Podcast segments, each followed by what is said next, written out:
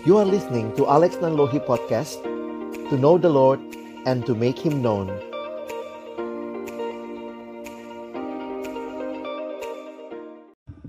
Selamat pagi sekali lagi. Hari ini hari apa?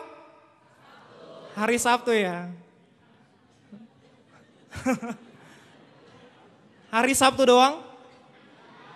Enggak, hari apa dong? Malam minggu. hari apa teman-teman? Hari apa? Hari Valentine. Katanya orang-orang hari kasih sayang. Teman-teman, eh, kita ada hampir 300 kali ya. 300 orang di sini. Sudah tiga hari, apakah kita sudah menunjukkan sayang kita ke teman-teman yang lain? sudah? Karena ini hari kasih sayang, kita kasih kesempatan teman-teman untuk mengungkapkan kasih sayangnya. Teman-teman silakan bersalam-salaman dengan sebanyak-banyaknya dan bilang aku mengasihimu. Kalau misalnya ada yang spesial, aku sambil salaman ya. Aku mengasihimu agak bisa lebih lama dikit lah.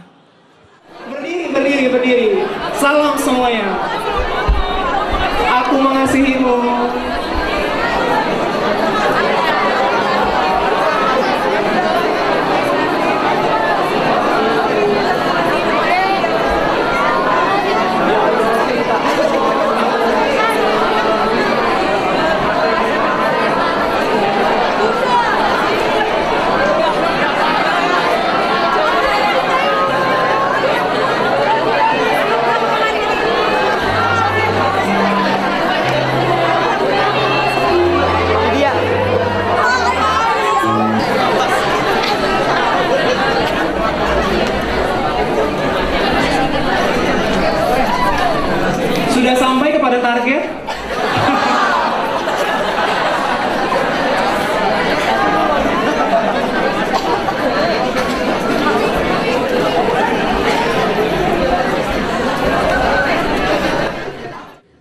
Oke teman-teman, kita sudah mengungkapkan kasih sayang kita kepada sesama.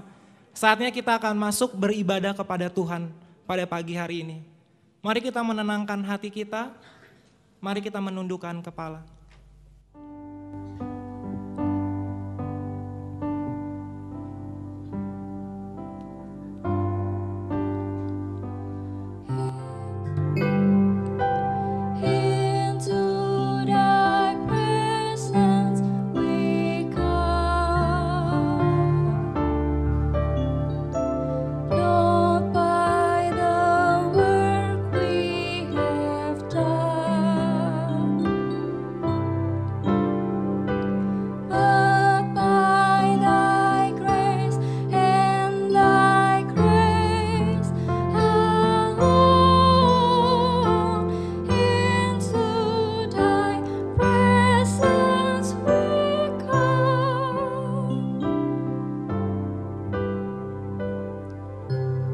Apa yang kita lakukan, apa yang kita miliki, dan apa yang kita banggakan selama ini, tidak sedikit pun menentukan kita layak atau tidak di hadapan Allah.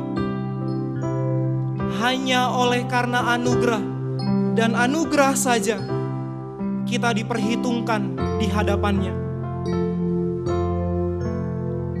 Mari secara pribadi menghayati anugerahnya saat kita datang kepadanya.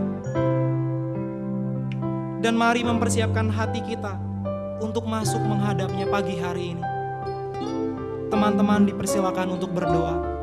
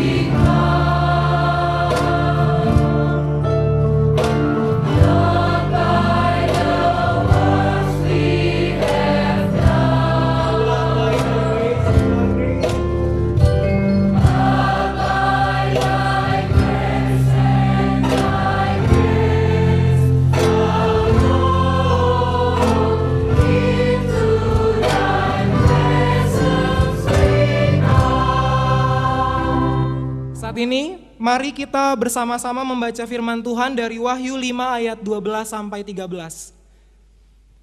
Ayat 12 akan dibacakan oleh pria, ayat 13 akan dibacakan oleh wanita. Wahyu 5 ayat 12 sampai 13. Katanya dengan suara nyaring, anak domba yang disembelih itu layak untuk menerima kuasa dan kekayaan dan hikmat dan kekuatan dan hormat dan kemuliaan dan puji-pujian.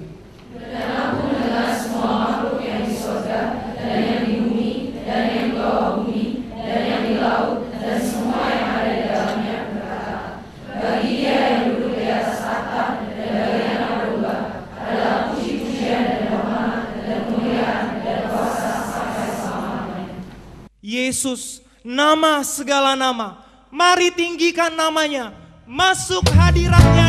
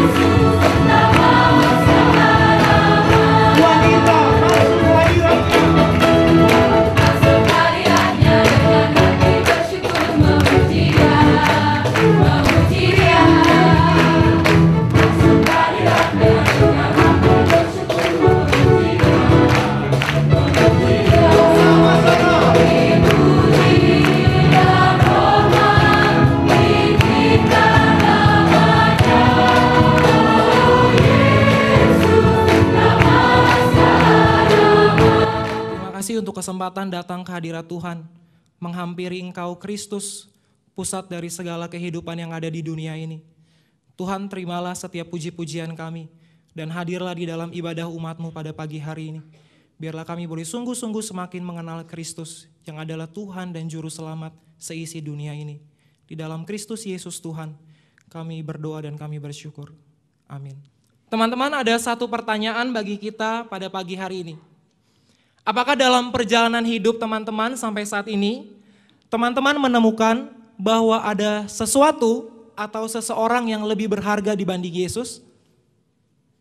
Untuk bisa menjawab pertanyaan ini, teman-teman harus menjawab pertanyaan berikutnya.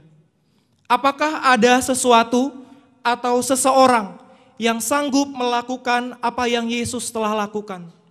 Mati untuk menyelamatkan kita dan juga mengaruniakan sukacita yang sejati. Apakah ada? Apakah ada? Tidak ada.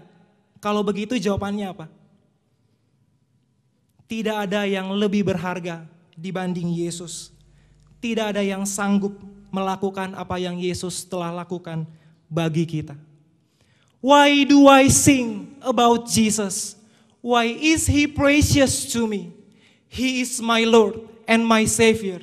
Dying, he set me free.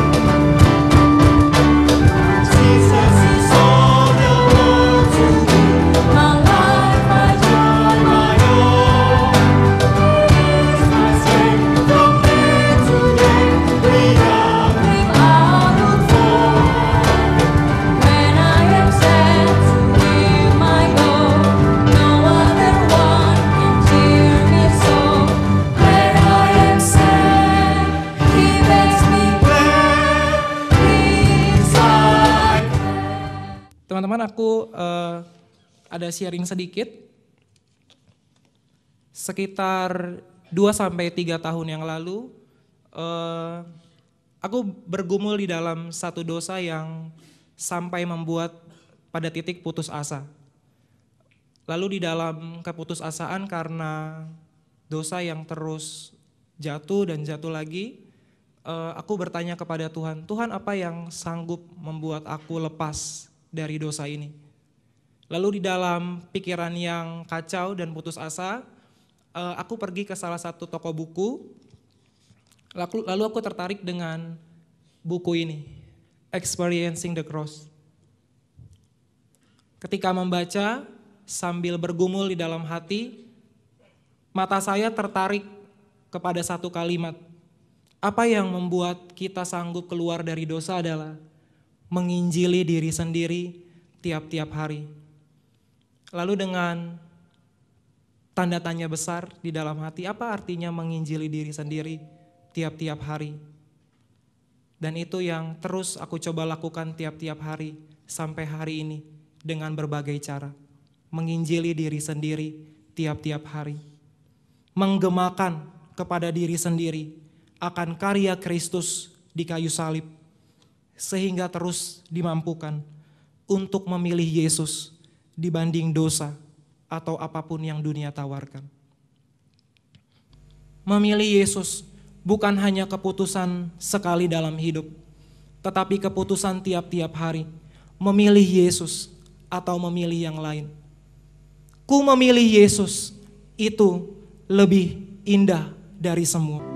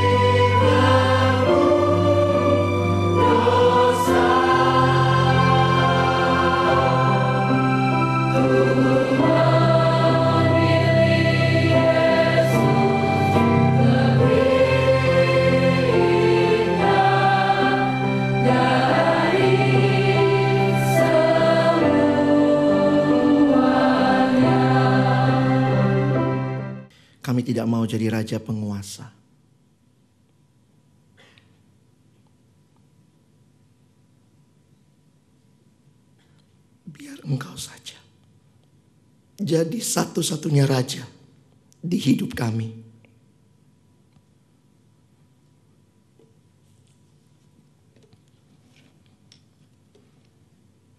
Kami memilih Yesus.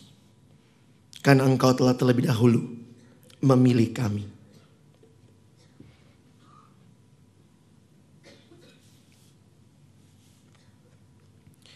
Pagi ini kami kembali akan membuka firman-Mu. Bukalah hati kami Tuhan. Jadikan seperti tanah yang baik. Supaya ketika benih firman ditaburkan, boleh sungguh-sungguh berakar, bertumbuh, dan berbuah nyata di dalam hidup kami. Tolong hambamu dalam keterbatasan suara bisa menyampaikan kebenaran yang kekal. Tolong kami semua tidak mengandalkan manusia, tapi bergantung penuh kepada Allah. Itu yang kami rindu alami dalam sesi pagi ini. Melihat bagaimana keagamaan yang benar dan juga pelayanan yang sejati. Karuniakan konsentrasi yang baik untuk bisa mendengarkan firman-Mu. Dalam nama Yesus kami berdoa. Amin.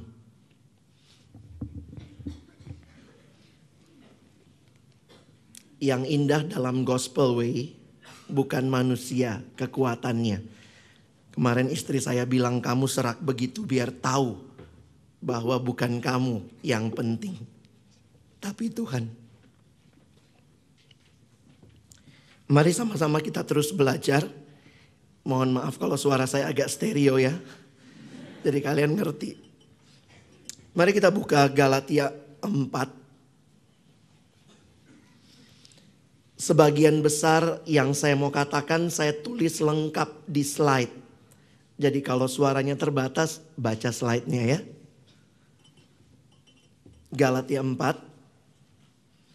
ayat 8 sampai ayat yang ke-20.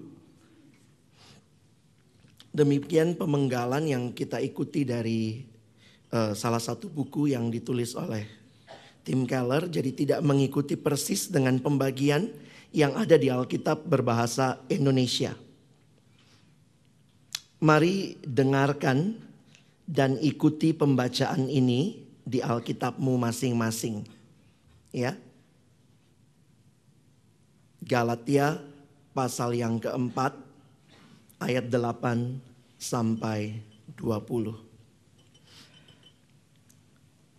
Dahulu, ketika kamu tidak mengenal Allah, kamu memperhambakan diri kepada Allah-Allah yang pada hakikatnya bukan Allah. Tetapi sekarang, sesudah kamu mengenal Allah, atau lebih baik, sesudah kamu dikenal Allah, bagaimanakah kamu berbalik lagi kepada roh-roh dunia yang lemah dan miskin, dan mau mulai memperhambakan diri lagi kepadanya? Kamu dengan teliti memelihara hari-hari tertentu, bulan-bulan, masa-masa yang tetap, dan tahun-tahun. Aku khawatir kalau-kalau susah payahku untuk kamu telah sia-sia. Aku minta kepadamu, saudara-saudara, jadilah sama seperti aku, sebab aku pun telah menjadi sama seperti kamu. Belum pernah kualami sesuatu yang tidak baik daripadamu. Kamu tahu bahwa aku pertama kali telah memberitakan Injil kepadamu oleh karena aku sakit pada tubuhku. Sungguh pun demikian keadaan tubuhku itu yang merupakan pencobaan bagi kamu, namun kamu tidak menganggapnya sebagai sesuatu yang hina dan yang menjijikkan. Tetapi kamu telah menyambut aku sama seperti menyambut seorang malaikat Allah, malahan sama seperti menyambut Kristus Yesus sendiri. Betapa bahagianya kamu pada waktu itu. Dan sekarang, di manakah bahagiamu itu? Karena aku dapat bersaksi tentang kamu, bahwa jika mungkin kamu telah mencungkil matamu dan memberikannya kepadaku. Apakah dengan mengatakan kebenaran kepadamu, aku telah menjadi musuhmu? Mereka dengan giat berusaha untuk menarik kamu, tetapi tidak dengan tulus hati, karena mereka mau mengucilkan kamu, supaya kamu dengan giat mengikuti mereka. Memang baik kalau ada or, kalau orang dengan giat berusaha menarik orang lain dalam perkara-perkara yang baik, asal pada setiap waktu dan bukan hanya bila aku ada di antaramu. Hai anak-anakku, karena kamu aku menderita sakit bersalin lagi, sampai rupa Kristus menjadi nyata di dalam kamu. Betapa rinduku untuk berada di antara kamu pada saat ini dan dapat berbicara dengan suara yang lain, karena aku telah habis akal menghadapi kamu. Saudara yang dikasihi Tuhan, kita review sebentar pasal 3. Kalau nanti kalian baca ulang pasal 3, kalian akan melihat kemarin dalam PA kita belajar tentang Abraham. yang dibenarkan bukan karena melakukan hukum Taurat. Hukum Taurat baru diberikan pada masa Musa. Kalau kalian lanjutkan pembacaan di bawahnya, kalian akan melihat bagaimana Musa menerima hukum Taurat. Tetapi itu tidak membatalkan anugerah Allah. Dan di dalam Kristus semua itu digenapi. Musa dibenarkan karena iman kepada Allah. Kemudian eh, Abraham dibenarkan karena iman kepada Allah. Musa menerima hukum Taurat, tetapi itu semua menunjuk kepada Kristus yang menggenapkan semua itu. Karena Taurat diberikan hanya memberikan kesadaran bahwa tidak ada manusia yang sanggup memenuhi tuntutan hukum Taurat. Pasal 4 ayat 1 sampai 8 atau 1 sampai 7 kita melihat bagaimana Paulus mengingatkan kepada jemaat Galatia. Kamu dulu budak, tapi kamu saat ini adalah anak. Karena itu melanjutkan Galatia 4, 8 sampai 20. Kalau nggak sempat nyatet nggak apa-apa ya, nanti slide-nya semua bisa diakses. Panitia akan kasih slide-nya ya. Pasal 4 ayat 8 sampai 20 menyatakan perbandingan yang sangat kontras. Di Paulus melanjutkan perbandingan yang sangat kontras antara keagamaan yang benar dan palsu serta perbandingan yang kontras antara pelayanan yang berdasarkan Injil dan pelayanan yang sekedar duniawi. Nah, kita sama-sama akan melihat bagian ini. Kita mulai dari yang pertama dulu. Keagamaan. Keagamaan seperti apakah? Apakah agama yang berdasarkan iman kepada Injil, Yesus yang mati dan bangkit, iman kepada karya keselamatan, karena itu adalah berita bagian kita percaya, believe.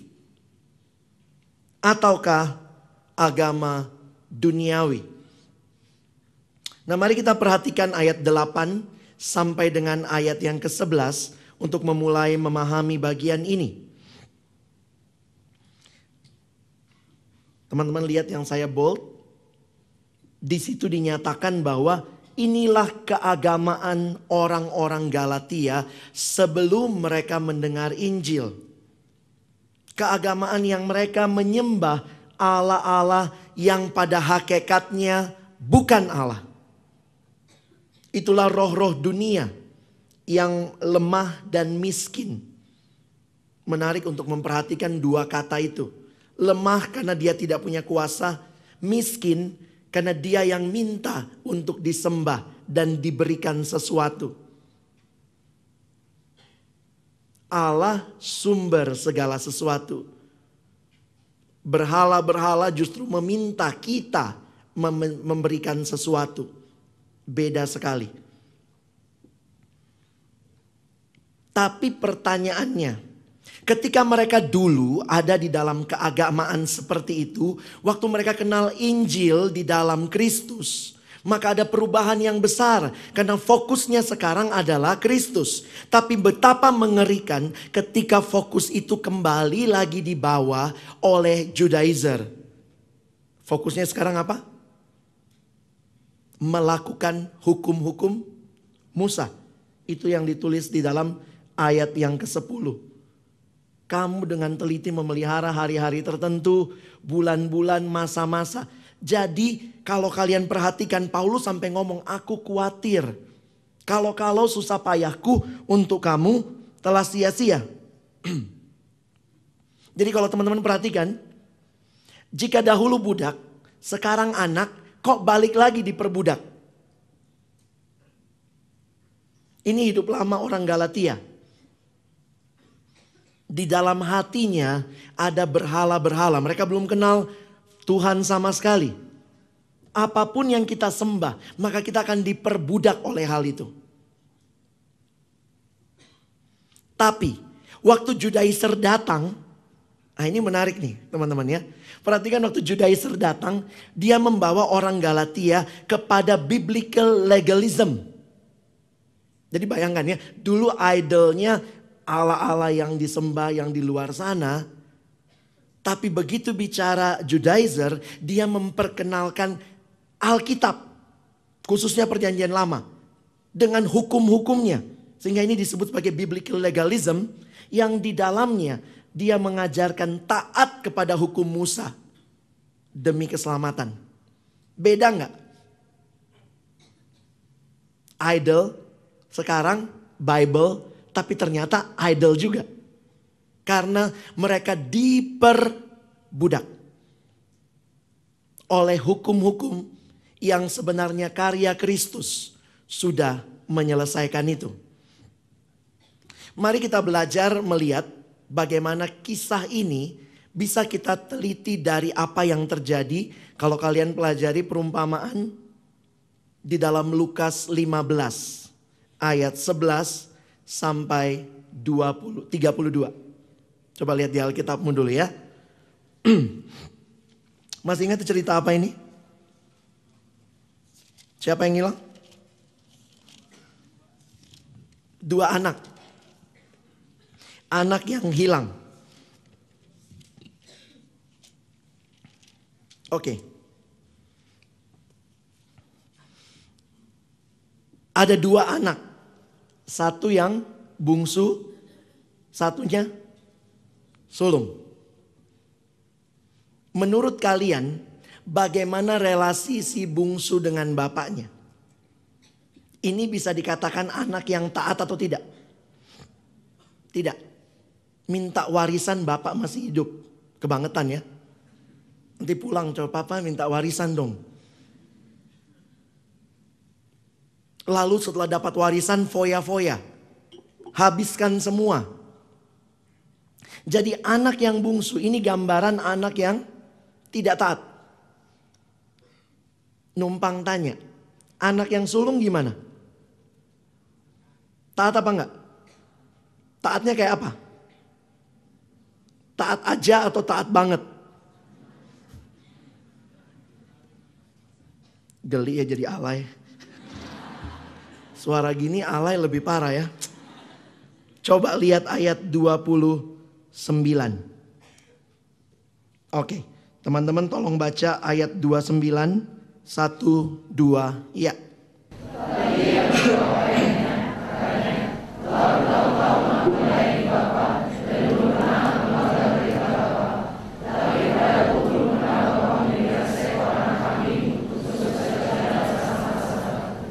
Kayak apa ketaatannya?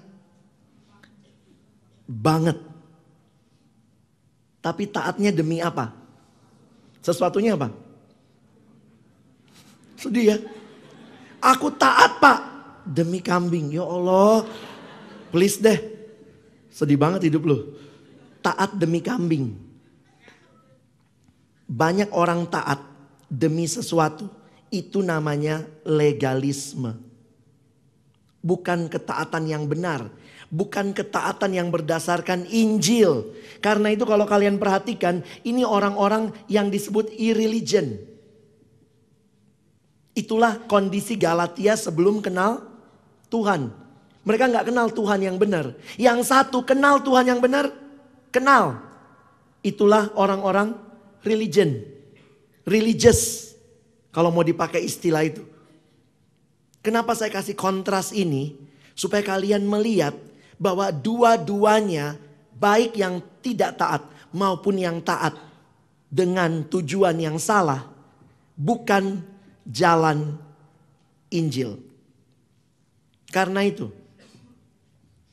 gospel way yang ketiga. Kalau lihat anak bungsu sama anak sulung, lihat hidupmu. Kamu kira-kira lebih mirip yang mana? Anak sulung atau anak bungsu? Ada nggak yang bandel banget di sini? Tuhan, nggak peduli Tuhan, mati dia Tuhan. Nggak ya? Ini yang taat-taat banget nih, sampai bisa ikut retret koordinator. Berarti kamu cukup taat. Di kampus mungkin kalau kamu jalan semua dosa lenyap. Karena sinar kemuliaan. Tapi taatnya demi apa? Sesuatu. Ada orang taat supaya dapat nilai tinggi. Taat demi mendapatkan sesuatu itu religious. Nah teman-teman lihat ngeri banget ya. Orang Galatia tadinya dari irreligious. Bukannya dibawa ke gospel. Sudah dibawa ke gospel sama Paulus. Eh Judaizer bawa lagi ke sana. Sebenarnya pertanyaan dasar dari gambar ini. Siapa yang jadi juru selamatnya?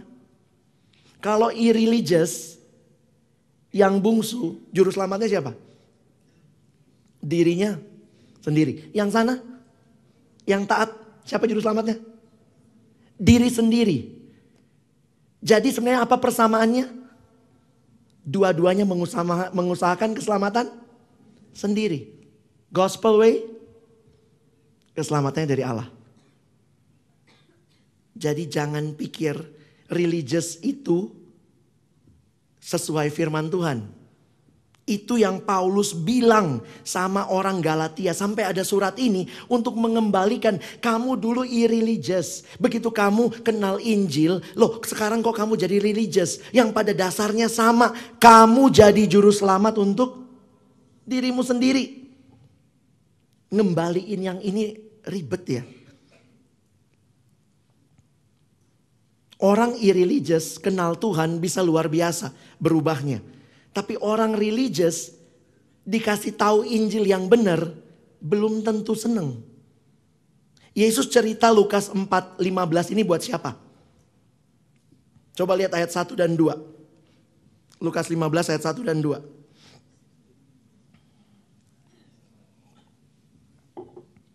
Yesus cerita untuk ada siapa aja yang dengar? Pemungut cukai. Orang berdosa. Pemungut cukai biasa dia bersama disebut dengan orang berdosa. Jadi menurut ayat 1 yang dengar ada yang irreligious.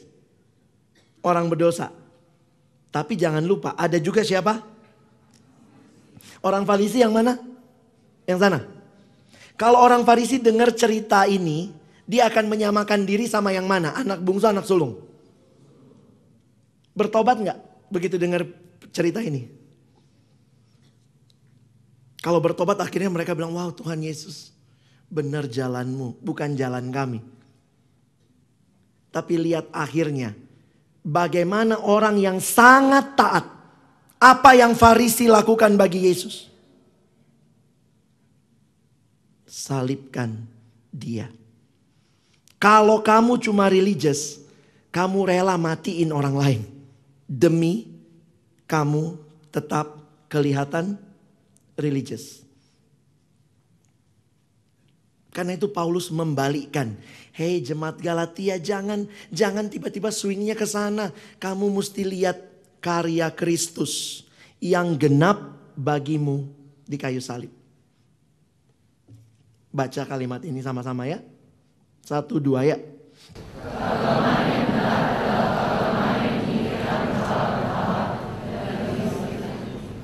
Karena baik yang irreligion maupun yang religion, dua-duanya berhalanya adalah diri sendiri.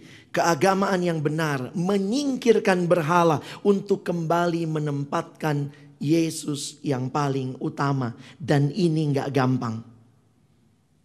Banyak alumni sekarang dulunya benar-benar mungkin karena miskin dulunya ya.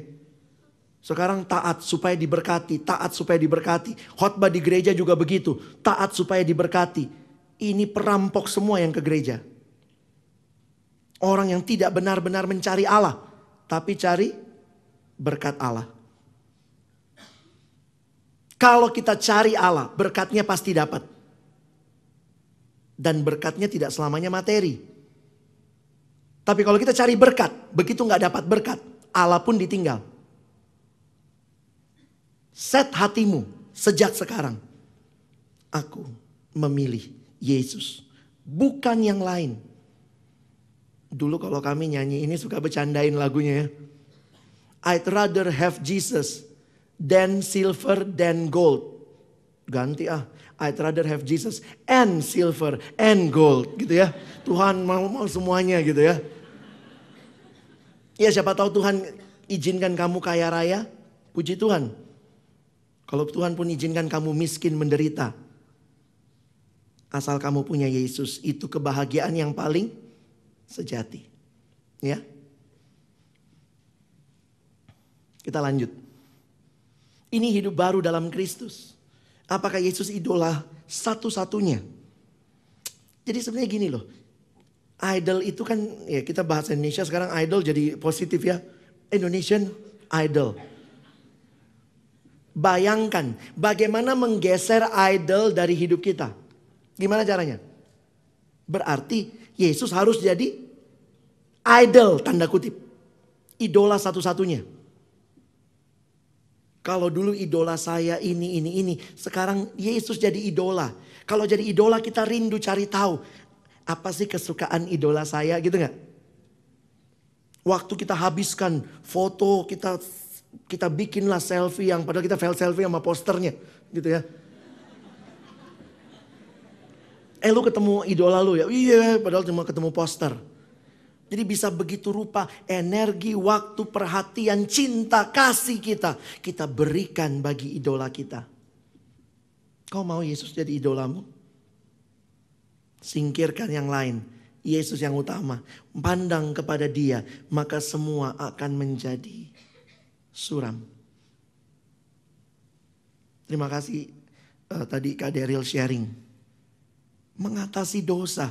Bagaimana saya menjadikan Yesus idolaku satu-satunya. Setiap kali, setiap hari saya pandang ke salib itu. Saya injili diri saya sendiri. Saya butuh Injil, saya butuh kasih karunia itu.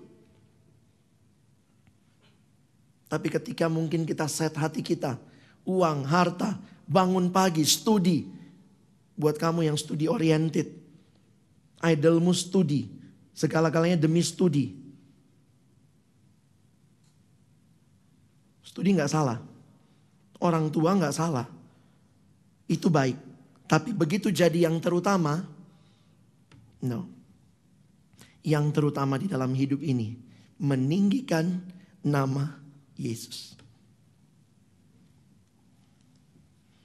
Mari kita lihat lebih lanjut. Ayat 9. Di dalam ayat ini secara khusus bagi saya Paulus memberikan penekanan kepada keagamaan yang benar. Yang sebenarnya keagamaan yang benar itu akan berdampak bagi identitas kita. Paulus bilang, tetapi sekarang sudah kamu mengenal Allah atau lebih baik sesudah kamu dikenal Allah. Jadi sebenarnya Kristen itu apa? Keyakinan kita dalam Kristus itu karena kita pegang Tuhan atau karena Tuhan pegang kita? Tuhan pegang. Makanya bahan pipa kita ada keyakinan keselamatan. Kalau kamu beragama kamu yang pegang Tuhan, legalisme baru. Tapi keagamaan kita didasarkan Tuhan yang pegang kita. Tolong Bang Ray. The great and central basis of Christian assurance is not how much our hearts are set on God, but how unshakably His heart is set on us. Bukan kita fokus banget sama dia, kekuatan kita. Tapi karena dia yang tidak tergoyahkan yang memegang kita. Itu keyakinan kita. Kalau sudah begini, nggak masalah apa kata orang ya. Yang penting apa kata Tuhan. Saya suka kasih contoh tuh siswa datang sama saya. Abang, aku dibilang jelek. Saya lihat emang jelek. Mau apa? Saya bilang, siapa yang bilang kau jelek? Teman-temanku bang. Saya waktu lihat jelek tapi saya diam aja. Hmm. Dalam hati saya secara penilaian temanmu ada benarnya. tapi saya bilang sama dia. Dek ingat. Alkitab berkata engkau berharga di mataku. Puji Tuhan ayatnya jelas. Berharga. Bukan masalah ganteng atau cantik. Yang di garis bawahi engkau berharga itu nilai dasar. Lebih daripada sekedar ganteng dan cantik. Kalau ayatnya engkau ganteng di mataku banyak kita nggak masuk. Ya, Syukur ayatnya engkau berharga. Semua kita masuk. Itu keyakinan kita. Yang bilang kita berharga siapa? Tuhan. Siapa Tuhan? Pencipta kita. Jadi kalau penciptamu bilang kamu berharga, temanmu bilang kamu tidak berharga. Percaya mana? Pencipta dong. Saya bilang kalau ada yang bilang begitu sama kau, lihat dia, pandangin matanya, tolongin. Kalau kau bilang aku jelek, aku nggak berharga, masalahnya bukan di aku, di matamu. Benar kan? Loh, penciptaku aja bilang aku berharga. Banyak kita yang suka tertekan, cari-cari identitas, termasuk dalam pelayanan, peralat pelayanan supaya identitas kita di, dianggap. Hati-hati kalau kamu sangat melekat sama pelayanan sehingga identitasmu tergantung pelayanan. Berarti idolmu apa? Pelayanan. Begitu kamu dikritik, pelayananmu dikritik. Ih, fakultas ini menurun ya. Kenapa? Itu identitasmu di situ. Ya bang itu ya, kurang ajar.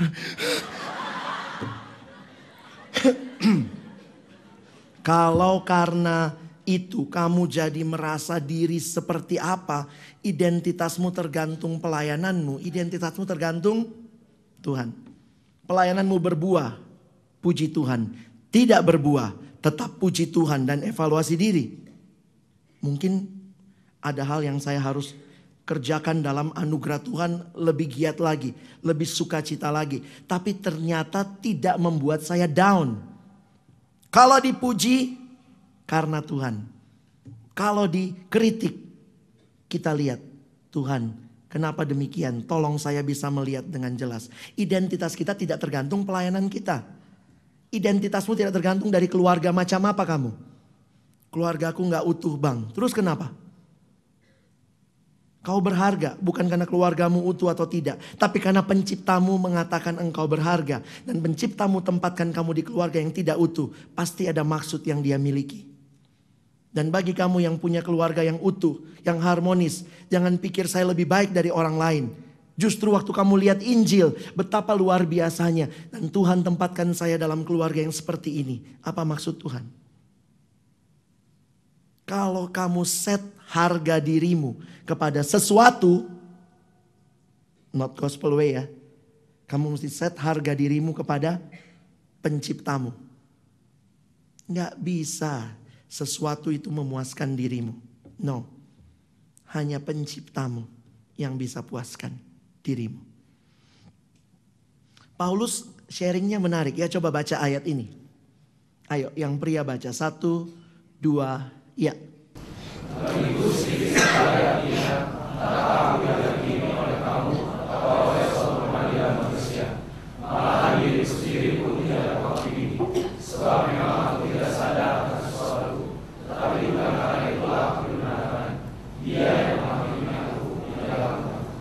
Hebat banget orang yang set hatinya kepada Tuhan.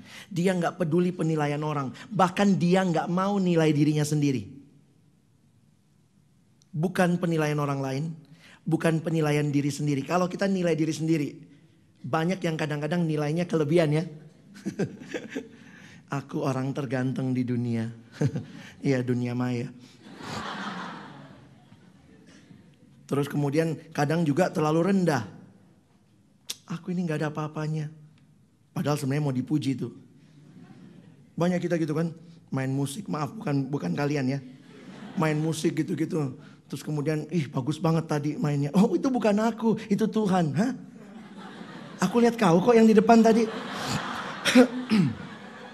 eh, belajar terima pujian gospel way ya. Loh, karena apa? Kalau kamu tidak bisa melihat Tuhan dengan jelas, kamu bisa peralat hal-hal seperti itu untuk kemuliaanmu. Saya belajar dari Bapak Mangapul Sagala. Mengingatkan kalau dipuji, terima kasih, puji Tuhan. Jangan sok merendah. Bagus tadi mainnya ya. Terima kasih, puji Tuhan. Tuhan yang memampukan. Kadang-kadang kita, tadi bagus ya mainnya. Aduh bukan saya itu, aduh bukan saya, bukan saya. Dalam hati terus puji dong, terus puji dong. Ih bagus, kamu tadi bagus banget. Bukan saya, bukan saya. Tahu nggak Pak Mangapul bilang apa? Orang yang suka bilang bukan saya, sebenarnya pada waktu yang lain kalau pelayanannya jelek, bukan saya Tuhan. Kamu nggak ngerti apa artinya melayani. Kamu nggak ngerti apa artinya terima pujian. Waktu kamu set matamu pada Kristus, dipuji-puji Tuhan, dikritik, puji Tuhan, evaluasi diri. Bukannya begitu dikritik, jangan harap saya mau main lagi ya. Nggak akan saya main lagi. Padahal mungkin diminta, ayo dong pelayanan. Enggak, ayo dong pelayanan. Enggak, ayo dong pelayanan. Aduh coba sekali lagi diminta, pasti aku mau. Kita kadang-kadang suka merasa makin kita dipuji-puji, kita senang yang rendah hati papan loncat. Makin rendah, tuing, naiknya makin tinggi. Itu bukan cara Injil mengerti tentang pujian. Jangan pernah dasarkan harga dirimu, penilaian dirimu, bahkan kepada penilaianmu. Mari setiap hari lihat salib itu supaya kau lihat hidupmu yang berharga. Kau tidak main-main dengan dosa. Ini hidup yang berharga. Tuhan sudah kasih. Waktu bikin dosa, no, I will never go back. No. Injil terus menginspirasi perjalanan hidup kekristenan kita. Kalau bahasa Inggris saya minta yang di belakang ya. Silakan. Since God knows me and He sees Christ when He looks at me, I don't care what you think about me, and I don't even care what I think. Ibu Dorothy Marx waktu mengajar kami dulu suka kasih ilustrasi begini. Kalau ini adalah hidup kita yang berdosa, apa artinya dibenarkan? Dibenarkan hanya dalam Kristus. Ini Kristus yang tidak berdosa. Dan ketika Kristus mati bagi saya, yang terjadi adalah saya sekarang ada di dalam Kristus, Kristus di dalam saya. Ketika Tuhan melihat saya, siapa yang Tuhan lihat? Kebenaran Kristus. Makanya kalimatnya kita dibenarkan. Tuhan melihat saya yang dia lihat kebenaran Kristus. Waktu Tuhan melihat saya, Tuhan menerima saya karena kebenaran Kristus. Kristuslah segala-galanya. Karena itu Bapa terima saya. Kalimat tadi, eh sorry. Since God knows me and sees Christ yang dilihat oleh Bapa adalah Kristus. When he look at me, maka yang menjadi masalah bukan lagi apa kata saya, apa kata orang, tapi apa kata Allah. Karena saya di dalam dia. Jangan minder ya. Dan jangan pakai pelayanan untuk mengangkat identitasmu. Kau peralat pelayanan supaya orang puji-puji kamu. Kenapa? Iya bang di rumah aku nggak pernah dipuji. Jadi idolku sebenarnya adalah pujian. Aku akan cari segala cara supaya orang memuji saya. Ada lagi orang yang nggak pernah, nggak bisa ditolak. Aku di rumah selalu dihargai. Tiba-tiba di pelayanan, kayaknya tadi mainnya jelek deh. Jelek ya. Terus mulai kita bilang, eh emangnya dia bisa main? Terus kemudian kita mulai di belakang ngomongin, kakak itu evaluasi dia emang nggak tahu dia aja nggak bisa main. Sok banget sih evaluasi begini begini begini. Akhirnya apa? Kita merasa identitas kita tergantung permainan musik kita. Jangan ya. Mengerti siapa Tuhan. Jadi bayangkan hati yang salah di set salah semuanya. Gitu deh sederhananya Tim Keller sampai pakai istilah begini. Seperti tulang patah. Tulang patah tuh sakit banget gitu ya Bayangkan kalau nggak disambung lagi gitu. Nggak dimasukkan lagi dalam tempatnya. Seperti itulah keagamaan yang bengkok. Yang ternyata tidak, hatinya nggak dibereskan. Jadi bentuknya bisa macam-macam keluarnya. Nilai jelek, tertekan, tiga hari nggak mau makan. Wah makanannya dikasih saya bagus tuh. Kenapa? Seolah-olah nilaiku lah segala-galanya. Loh, Papa marah nanti kak, tapi Tuhan akan tetap terima kamu. Dan mungkin dari situ kamu akan belajar kenapa nilai jelek. Kalau kamu udah berusaha tetap jelek, apa Tuhan nolak kamu karena nilai? Tuhan aja nggak lihat kita ganteng jeleknya gitu ya. Itu masalah casing. Ada yang casingnya bagus, ada yang casingnya kurang bagus. Tapi semua kita berharga. Beberapa kali kalau pergi teman menikah, banyaknya alumni udah menikah gitu. Ih gila ya. Suaminya jelek banget, istrinya cantik banget. ya sudahlah, dua-duanya berharga. Dan itu lebih penting kan. Daripada ganteng hatinya salah. Udah ketemu nggak di sini? Nanti malam ada acara spesial loh. Jadi kayaknya nanti malam kita harus menyatakan dengan jelas. Yang sudah menikah dan sedang menggumulkan sebelah kanan. Yang belum menikah, belum masih single sebelah kiri. Ini benar-benar single terbuka. Kita bikin lagi satu grup single tertutup. Jadi supaya kita nggak salah mendoakan kan. Udah tiga hari salah mendoakan. Aduh sedih banget deh. Saya tadi pengen loh. Waktu Bang Deril bilang, aku, ayo bilang aku mengasihimu, saya pengen. Semua yang sudah pacaran dan sedang menggumulkan dan sudah tertutup, tolong berdiri. Sehingga kita langsung lihat, "Hmm, nggak usah didoain, nggak usah didoain, nggak usah, nggak usah, nggak usah. Bagus gitu ya.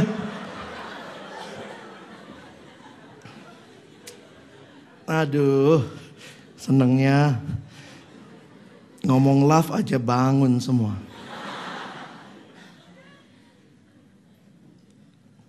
Oh udah ya, penerimaan diri kita tidak dimulai dari usaha kita, penilaian orang lain ya, tapi dari Allah. Nah karena itu lihat ya, gospel faith and worldly religion. Beda nggak antara agama yang benar berdasarkan iman kepada Injil dengan agama yang berdasarkan apa kata dunia dan apa yang dunia sembah. Teman saya bikin sebuah statement buat gerejanya. Nah ini teman eh, namanya Pak Senjaya. Dia sampai bikin kalimat begini. Tentu beragama yang dia maksud, beragama yang religious. Nah coba kita lihat beberapa kesimpulannya. Ini menarik untuk direnungkan ya. Dia bilang begini, kami berhenti beragama dan mulai berinjil. Jangan di copy paste ya nanti pulang alumnimu bilang, apa itu diajarin di RK? Kok adik-adik saya sekarang mulai berhenti beragama? Mereka mulai berinjil, maksudnya beragama yang salah ya. Nah kalimatnya dia, coba yang pria baca ya. Satu, dua, ya.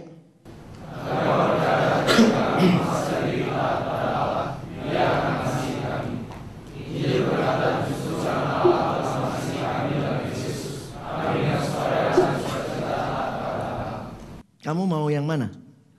Beragama atau berinjil? ya jawabnya pasti berinjil semua lah ya. Namanya lagi gospel way. Ngeri ya agama yang bebannya berat. Melakukan-melakukan supaya disayang Tuhan. Sedih. Yang kedua, wanita.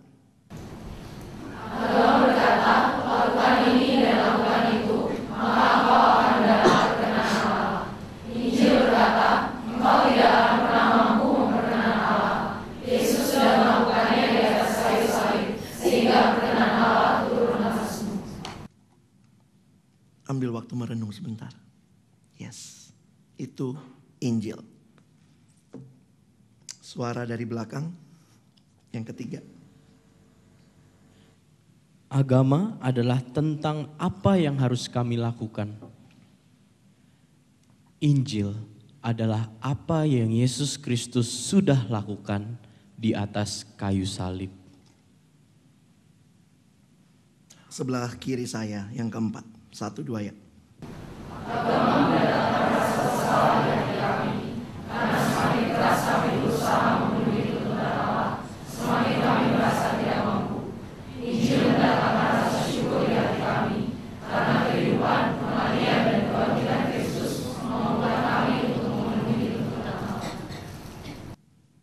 Sebelah kanan saya ya. Satu dua ya.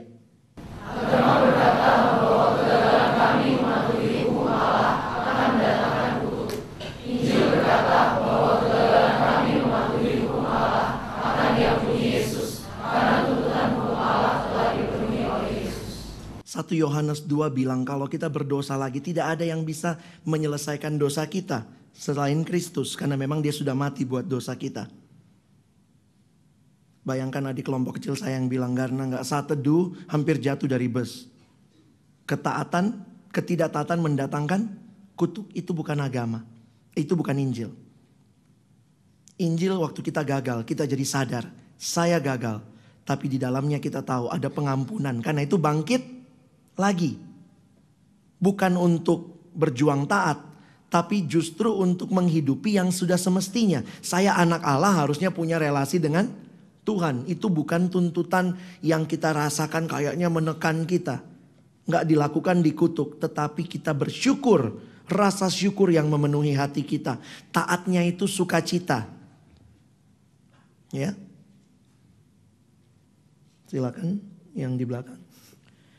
Agama membuat kami terus bimbang dengan keselamatan jiwa kami, karena kami tidak pernah tahu apakah perbuatan kami sudah cukup untuk memperkenan Allah. Injil membuat kami yakin tentang keselamatan jiwa kami, karena keselamatan tersebut tidak bersandar pada perbuatan kami, tetapi pada karya Kristus di atas salib bagi kami, satu kali untuk selamanya. Tolong yang pria.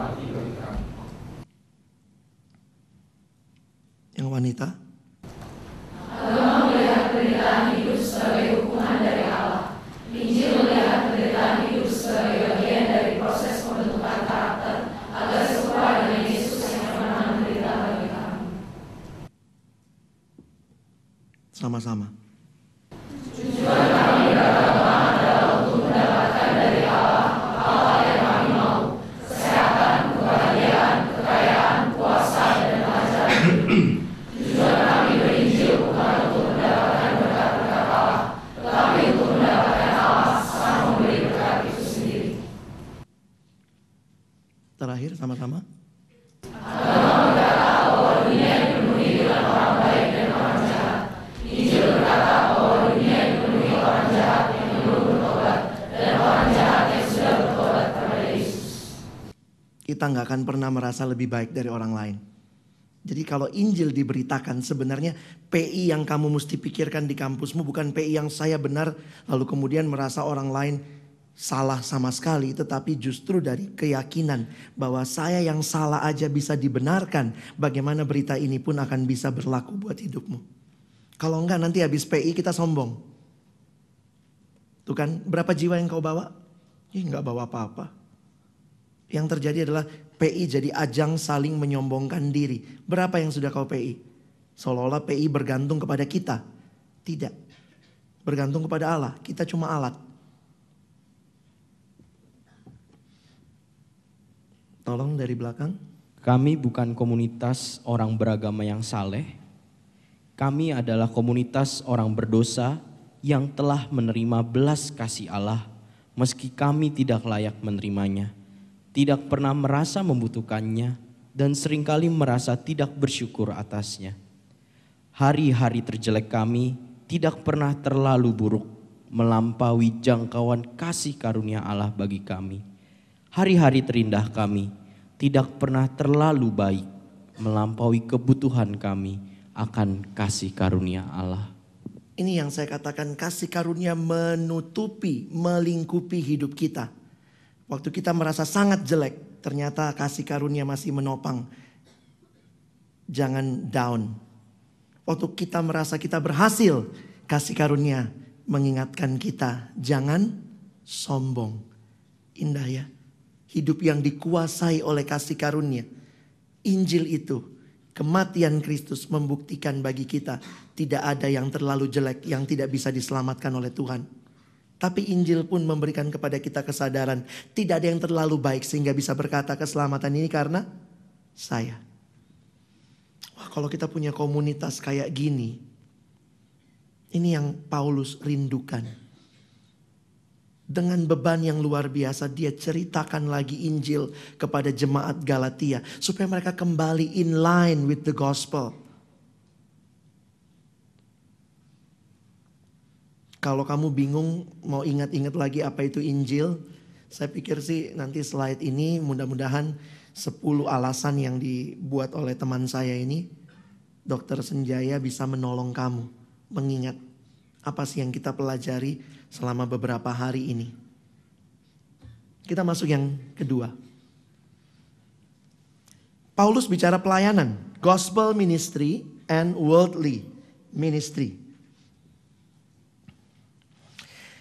Paulus adalah seorang yang menyerahkan dirinya dalam pelayanan. Jika dalam pasal kemarin 1 dan 2 ada autobiographical dia, chapters itu 1 dan 2, kita mengetahui kondisi Paulus sebelum dia datang ke Galatia. Nah, sekarang yang kita pelajari waktu kita lihat ayat 12 sampai 20, justru bagaimana pengalaman Paulus menanam atau merintis gereja di Galatia.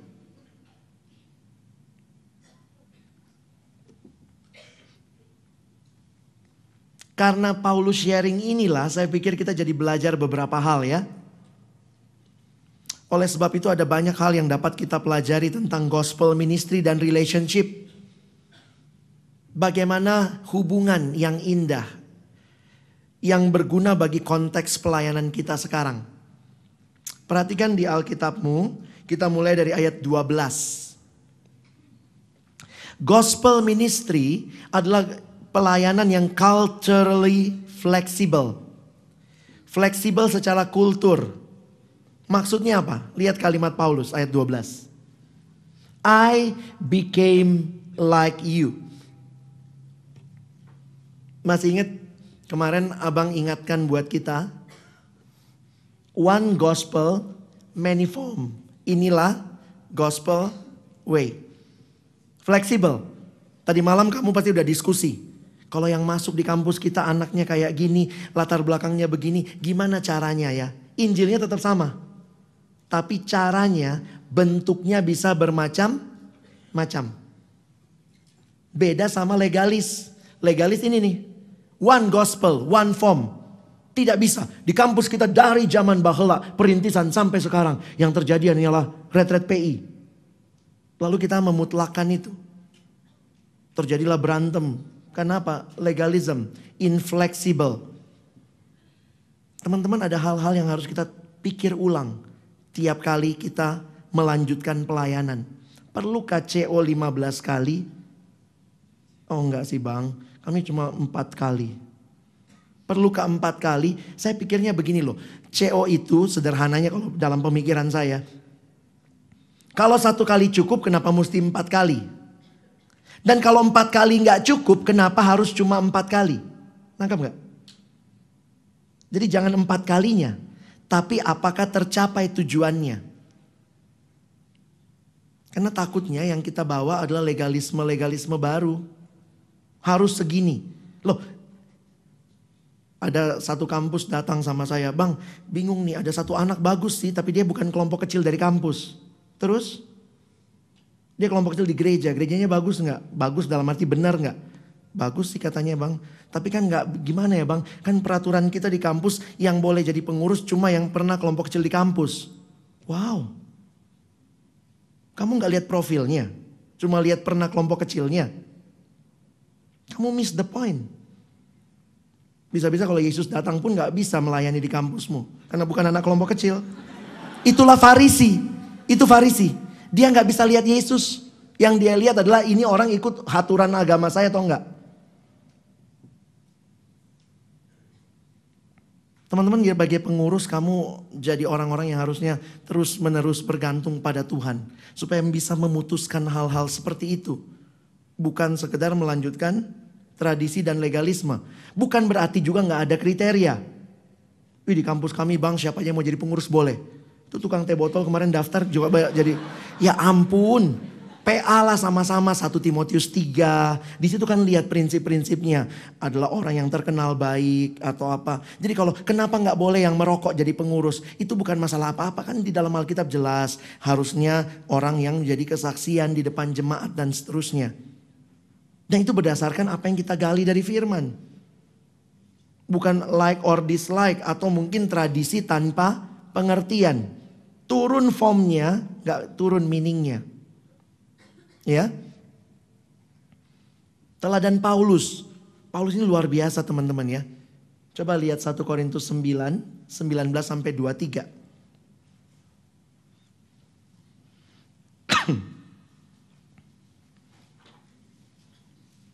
Bang Rey bisa baca. Sungguh pun aku bebas terhadap semua orang, aku menjadikan diriku hamba dari semua orang supaya aku boleh memenangkan sebanyak mungkin orang. Demikianlah bagi orang Yahudi, aku menjadi seperti orang Yahudi, supaya aku memenangkan orang-orang Yahudi. Bagi orang-orang yang hidup di bawah hukum Taurat, aku menjadi seperti orang yang hidup di bawah hukum Taurat, sekalipun aku sendiri tidak hidup di bawah hukum Taurat supaya aku dapat memenangkan mereka yang hidup di bawah hukum Taurat. Bagi orang-orang yang tidak hidup di bawah hukum Taurat, aku menjadi seperti orang yang tidak hidup di bawah hukum Taurat. Sekalipun aku tidak hidup di luar hukum Allah, karena aku hidup di bawah hukum Kristus, supaya aku dapat memenangkan mereka yang tidak hidup di bawah hukum Taurat. Bagi orang-orang yang lemah, aku menjadi seperti orang yang lemah supaya aku dapat menyelamatkan mereka yang lemah. Bagi semua orang, aku telah menjadi segala-galanya, supaya aku sedapat mungkin memenangkan beberapa orang dari antara mereka. Segala sesuatu ini aku lakukan karena Injil, supaya aku mendapat bagian dalamnya. Gospel way in doing ministry is culturally flexible. Dan setiap generasi bergumul di hadapan Tuhan melihat bagaimana Injil disampaikan di generasimu. Saya dalam pelayanan siswa beberapa kali harus bergumul. Pakai ini atau tidak ya. Kadang-kadang bingung gitu. Gimana menjangkaunya. Belajar bahasa mereka. Dan Paulus melakukan itu. Bukan kemudian jadi aneh. Saya melihat justru karena hati yang begitu rindu Injil disampaikan. Maka di berbagai cara dia pikirkan. Itu yang kita rindukan sebenarnya teman-teman ya. Sesi-sesi tadi malam kamu mikir. Kami cuma bisa kasih percikan di sini. Tapi kamu berpikir dengan beban. Saya mau nyampaikan Injil ini bagi adik-adik mahasiswa baru. Bukan hanya buat mereka. Yang sudah ikut kelompok kecil. Bagaimana hidupnya dibentuk terus oleh Injil. Pikirkan bagaimana bisa memasukkan hal-hal ini dalam kurikulum kah, dalam kegiatan kah. Jadi kita tidak mulai dari kegiatan, kita mulai dari beban. Dari hati yang mengerti dan jelas ini yang mau kita bagikan. Lihat Paulus. Tolong yang pria bacain. Paulus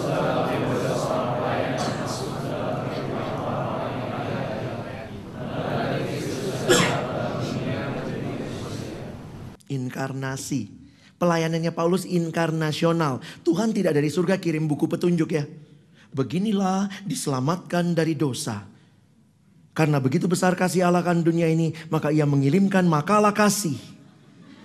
Pelajari ada ujian akhir. Enggak. Karena begitu besar kasih Allah, ia mengaruniakan anaknya yang tunggal. Tuhan jadi manusia, Allah jadi manusia. Manusia pengen jadi Allah, Allah turun jadi manusia. Saya pikir itu cara pandang yang menarik. Gak pernah kamu bisa minta orang itu ikut kamu dulu. Tapi kamu yang datang jadi sama dengan mereka. Tentu tidak jadi sama dalam penyembahan berhala mereka. Tetapi dalam bagian-bagian hidup mereka. Cara pandangnya menarik nih. Bukan hanya kenal mereka. Hadir tinggal bersama mereka. Ia makan bersama mereka, bermain, berbincang, berjalan bersama mereka. Bagaimana menjangkau 2015? Bukan dengan program yang kamu susun dari sekarang, bukan dengan RPI yang kamu sudah bentuk panitianya. Waktu orangnya ada, jangan sibuk CO. Kadang-kadang saya mikir gitu loh, katanya mau jangkau jiwa, tapi kok lebih sibuk CO? CO dikurangin satu kali, intro yang sederhana. Na na na na na na na na na na na terpujilah Allah. Boleh kan intro begitu nggak dosa? Kenapa intro kita mesti ceng ceng ceng ceng terpujilah Allah. Kalau begitu latihannya cepat. Kalau latihan cepat, waktu lain bisa kunjungan ke kos-kosan, makan sama anak-anak, berbincang bersama mereka, bergaul bersama mereka. Jangan kamu pikir kamu sudah ajak mereka retret hanya lewat Facebook, hanya lewat Twitter. Saya sudah jangkau mereka. Sibuknya kita rapat, rapat berjam-jam. Kalau penting oke, tambah jamnya kalau sangat penting.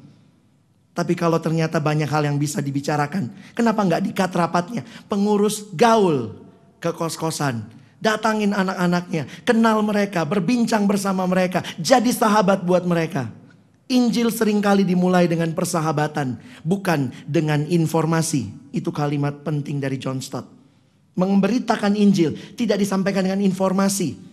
Kalau kamu undang saya pembicara KKR, tetap saya menyampaikan. Tetapi sebenarnya yang membawa mereka datang adalah persahabatan yang Tuhan karyakan antara kamu dengan mereka. Hati-hati.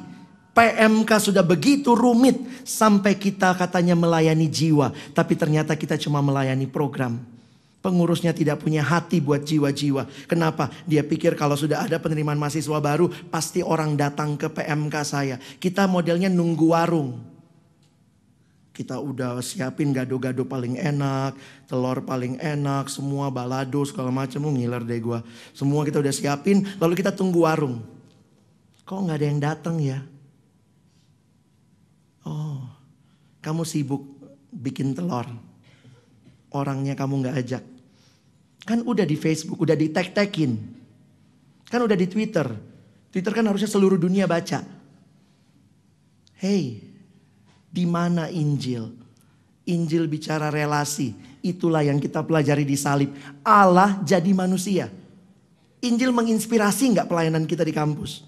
Jangan-jangan Injil cuma jadi kita mau kenalin Yesus, Yesusnya aja jadi manusia. Tapi maaf, kami pengurus terlalu sibuk untuk jadi seperti kamu. Sorry.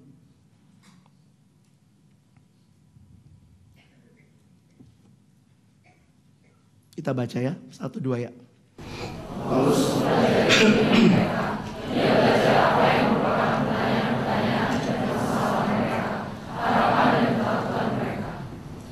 Bagus ya kalau sebelum KMPI, PIPA, kita udah kenal anak-anaknya.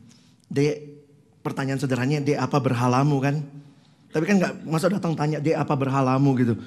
Mungkin kamu bilang, wih kamu udah masuk kampus nih. Kamu paling pengen apa nih? Iya bang, aku pengen banget menyenangkan orang tuaku. Bapakku itu luar biasa perjuangannya buat aku. Pokoknya aku nggak mau mengecewakan bapakku. Kamu bikin surat sama pembicara, bang. Banyak yang masuk adik-adik kami cara pandangnya begini. Orang tua segala-galanya. Abang jangan lupa kalau nanti KKRPI abang masukkan hal-hal itu. Itu kan saya dapatnya dari kamu.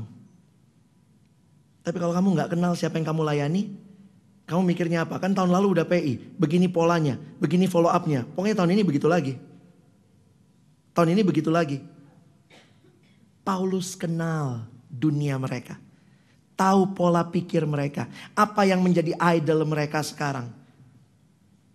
Dan karena itulah kita harus menghotbahkan Kristus yang lebih dari idol mereka.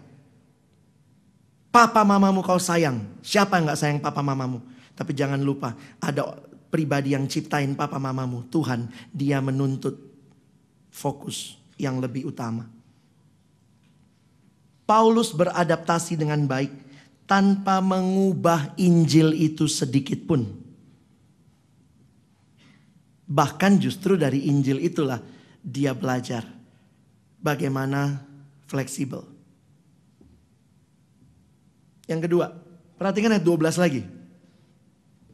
Gospel ministry is transparent. Transparan. Ayat 12 kalimatnya begini. Bisa ngomong gini gak kita ya? Jadilah sama seperti aku. Karena Injil itu bukan cuma objek.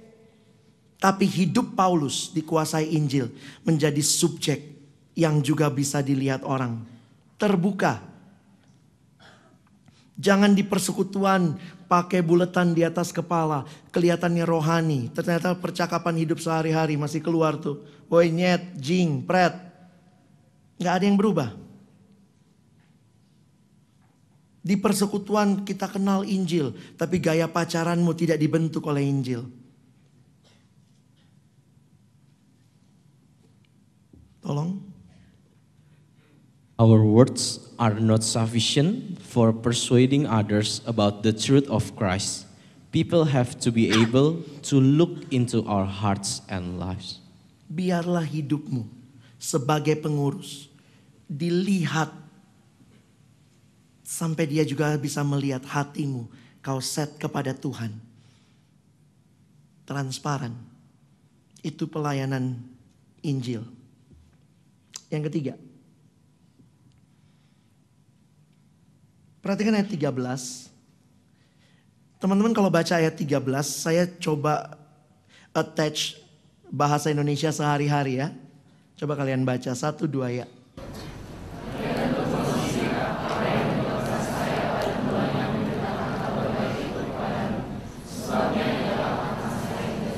Ih ternyata menarik ya. Kita nggak diceritakan di kitab kisah rasul. Beberapa penafsir coba memikirkan apa ya masalahnya. Kita nggak tahu. Jadi ternyata nampaknya Paulus tidak berencana ke sana. Paulus nampaknya nggak berencana ke Galatia dan sekitarnya. Justru karena dia sakit, mungkin dia nggak bisa lanjutkan pelayanan. Tapi dari situ dia terus melayani. Jadi opportunity dalam hardship. Kadang-kadang kesulitan-kesulitan saya paling sedih kalau mendengar. Nggak bisa, nggak bisa. Justru dalam kesulitan mari pikirkan. Bagaimana Tuhan membuka jalan. Kita nggak tahu Paulus sakit apa. Beberapa penafsir bilang mungkin dia kena malaria dalam perjalanan. Beberapa mengatakan mungkin juga dia kena penyakit mata. Karena itu kalau kalian lihat, ini yang dikatakan banyak yang mengkaitkan dengan 2 Korintus yang Paulus bilang ada duri dalam daging. Penyakit matanya kayak apa nggak tahu juga, tapi ngeri juga kalau kita baca ya. Coba lihat tadi. Coba baca ayat yang ke-13 14. Satu, dua, ya. Kamu tahu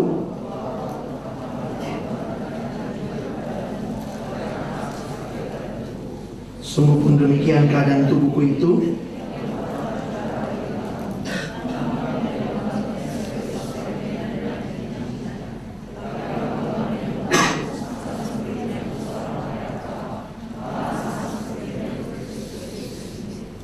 Jadi teman-teman beberapa penafsir mengkaitkan nampaknya mungkin Paulus punya penyakit mata yang hebat. Karena itu dalam menulis suratnya Paulus biasanya pakai sekretaris. Nah coba lihat ya. Ini beberapa dokter mencoba lihat. Pasal 6 ayat 11. Coba baca. Pasal 6 ayat 11. Satu, dua ya.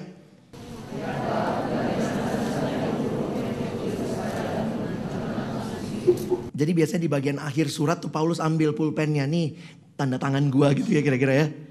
Nah, beberapa penafsir mengkaitkan penyakit mata dengan akhirnya menulis huruf yang besar-besar.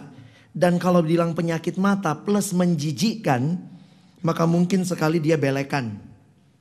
Jadi kalau pikir-pikir ya, ya ini aplikasi buat saya juga. Lagi sakit begini harusnya bisa tetap menyampaikan firman. Satu realita bahwa Tuhan tidak berjanji melayani Tuhan bebas masalah. Benar nggak? Ya. Kalau kamu mau bebas masalah nggak usah melayani. Itu masalahmu.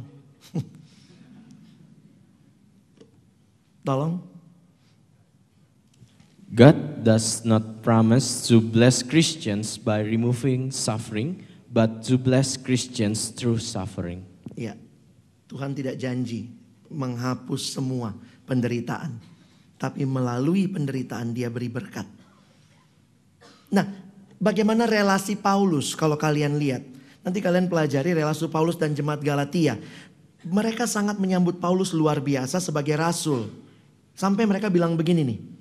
Belum pernah kualami, ini Paulus bilang, belum pernah kualami sesuatu yang tidak baik daripadamu.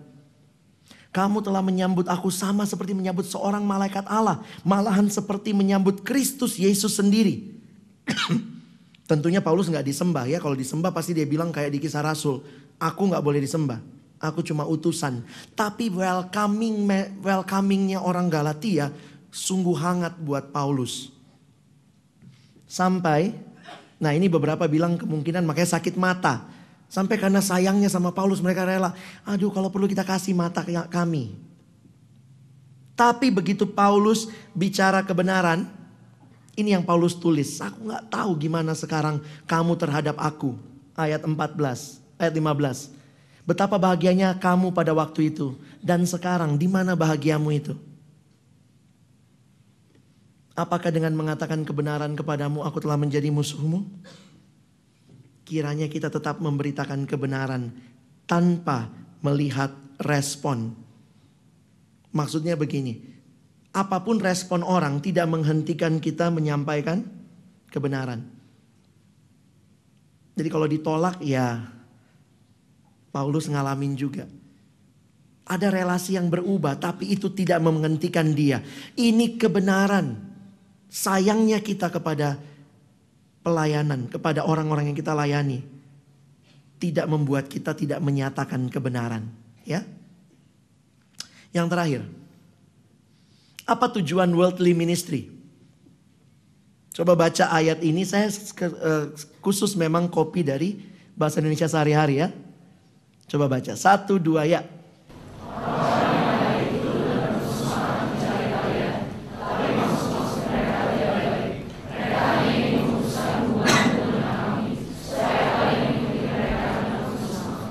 Kalimat yang saya tertarik memutuskan hubunganmu dengan kami. Bukan cuma dengan kami, tapi sebenarnya dengan kami sebagai pemberita Injil yang benar. Injil yang sejati. Ini tujuannya. Supaya orang-orang Galatia bergantung kepada mereka. Apa tujuan pelayanan Injil? Satu dua ya.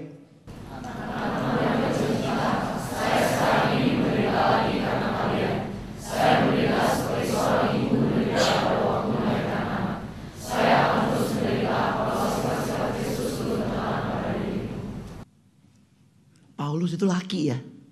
Pernah sakit menderita melahirkan nggak?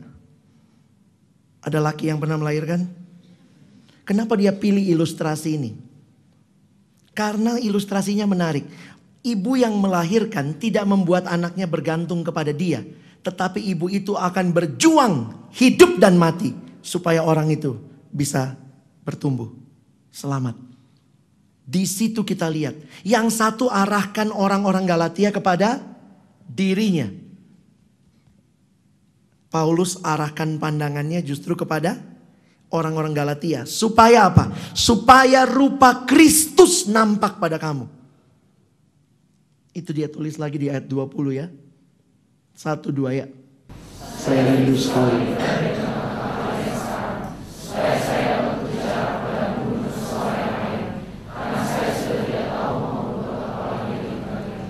Bagaimana saya tahu pelayananku sesuai dengan Injil atau tidak? Kalimat ini kiranya menolong kita menyimpulkan dari John Stott. Silakan. The false teachers were seeking themselves to dominate the Galatians. Paul longed that Christ be formed in them. Kalau kamu sibuk supaya orang itu makin bergantung kepada kamu.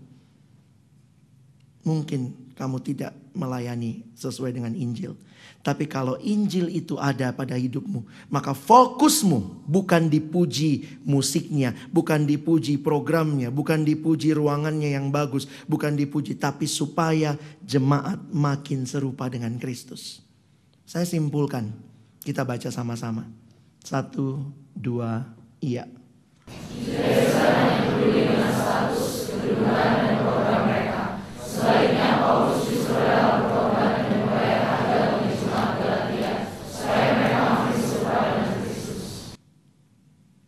Pengurus macam apa? Koordinator macam apa? Tim inti macam apa? Yang akan ada dan melayani di kampus-kampus Jakarta dan kota-kota yang ada. Ditulis di depan. Saya rindu pelayan-pelayan yang fokusnya adalah Kristus dan merindukan jemaat yang dia layani makin serupa dengan Kristus. Hari ini kita belajar dua hal. Keagamaan berdasarkan Injil atau dunia dan pelayanan. Pelayanan dalam gospel ministry atau worldly ministry.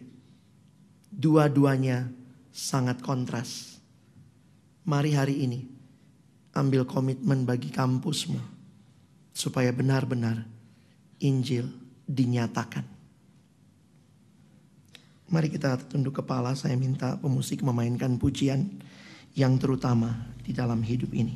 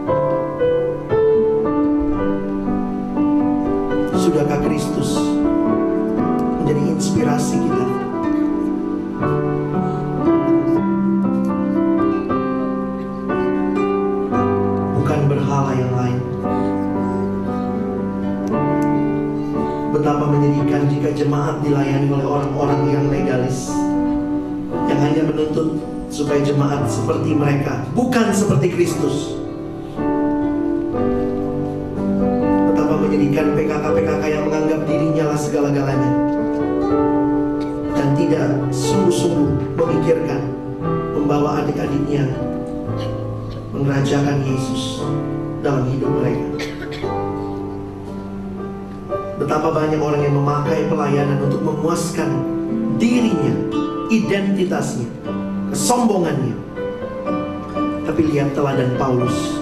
Injil mengubah dia. Dia bahkan rela mati-matian bayar harga. Dalam sakit tidak berhenti melayani. Supaya rupa Kristus makin nyata bagi jemaat Galatia. Jika Tuhan tegur kamu pagi ini, mari bertobat. Jika Tuhan ingatkan, jadi pengurus yang setia. Mari berdoa, minta kekuatan dari Tuhan.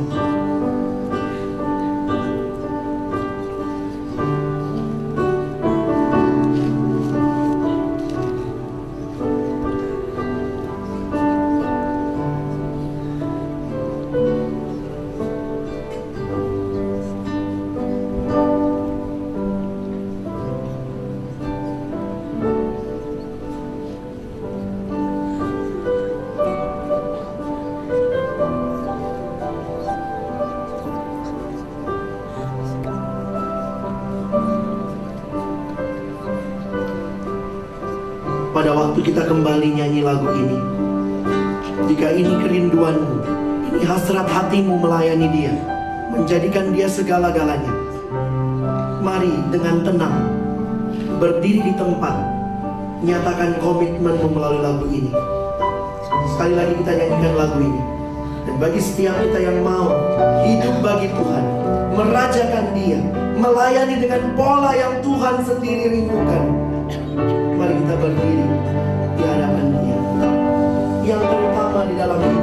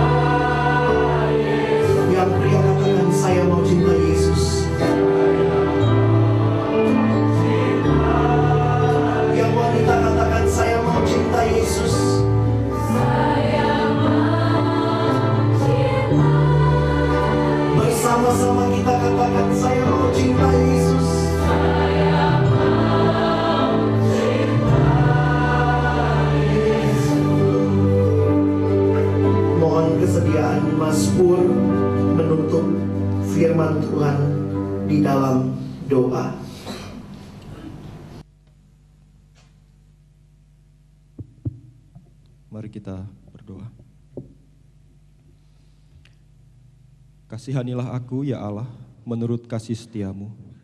Hapuskanlah pelanggaranku menurut rahmatmu yang besar.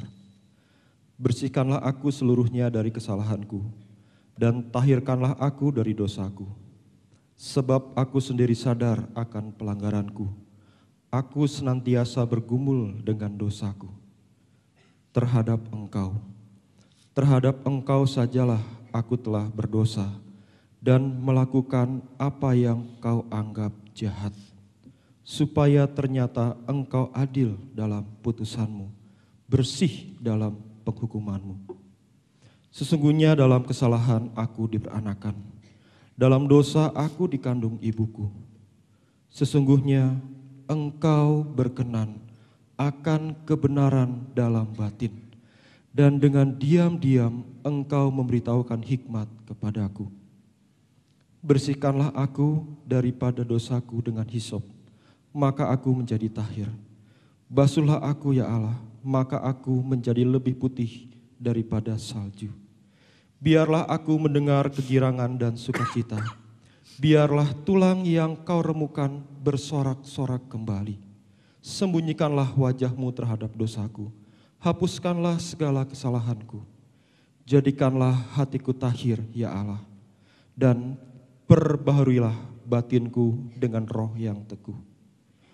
Janganlah membuang aku dari hadapanmu. Dan janganlah mengambil rohmu yang kudus daripadaku. Bangkitkanlah kembali padaku kegirangan karena selamat yang daripadamu. Dan lengkapilah aku dengan roh yang rela ya Tuhan. Maka aku akan mengajarkan jalanmu kepada orang-orang yang melakukan pelanggaran. Supaya orang-orang berdosa berbalik kepadamu.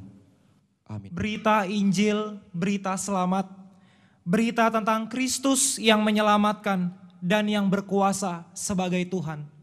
Beritakanlah sekalipun pergumulan tiada habisnya. Beritakanlah dan hendaklah hidupmu juga sesuai dengan Injilnya.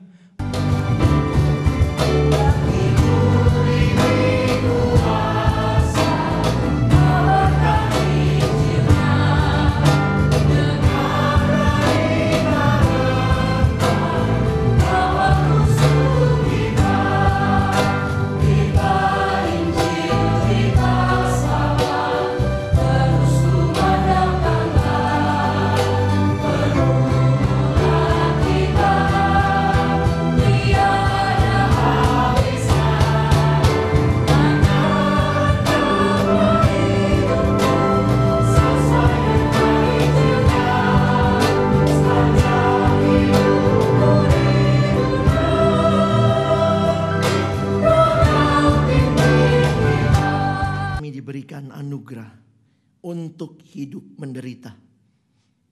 Ikut jalan salibnya menuju hidup bahagia. Tuhan tolong agar benar-benar pujian ini menjadi bagian yang kami hidupi, kami doakan supaya pelayan-pelayan Injil yang ada di berbagai kampus, di berbagai kota, di bangsa kami adalah pelayan-pelayan yang fokusnya kepada Kristus. Fokusnya kepada orang-orang yang Kristus kasihi untuk mereka layani. Dan hidup mereka senantiasa berpadanan dengan Injil Kristus. Terima kasih buat sesi pagi ini. Tolong waktu sebentar.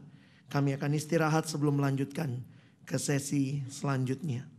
Kami bersyukur, berterima kasih, menutup sesi ini dalam nama Yesus.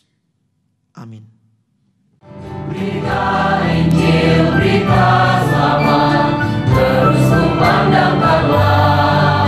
Veteran Koordinator ke-14, The Gospel Way.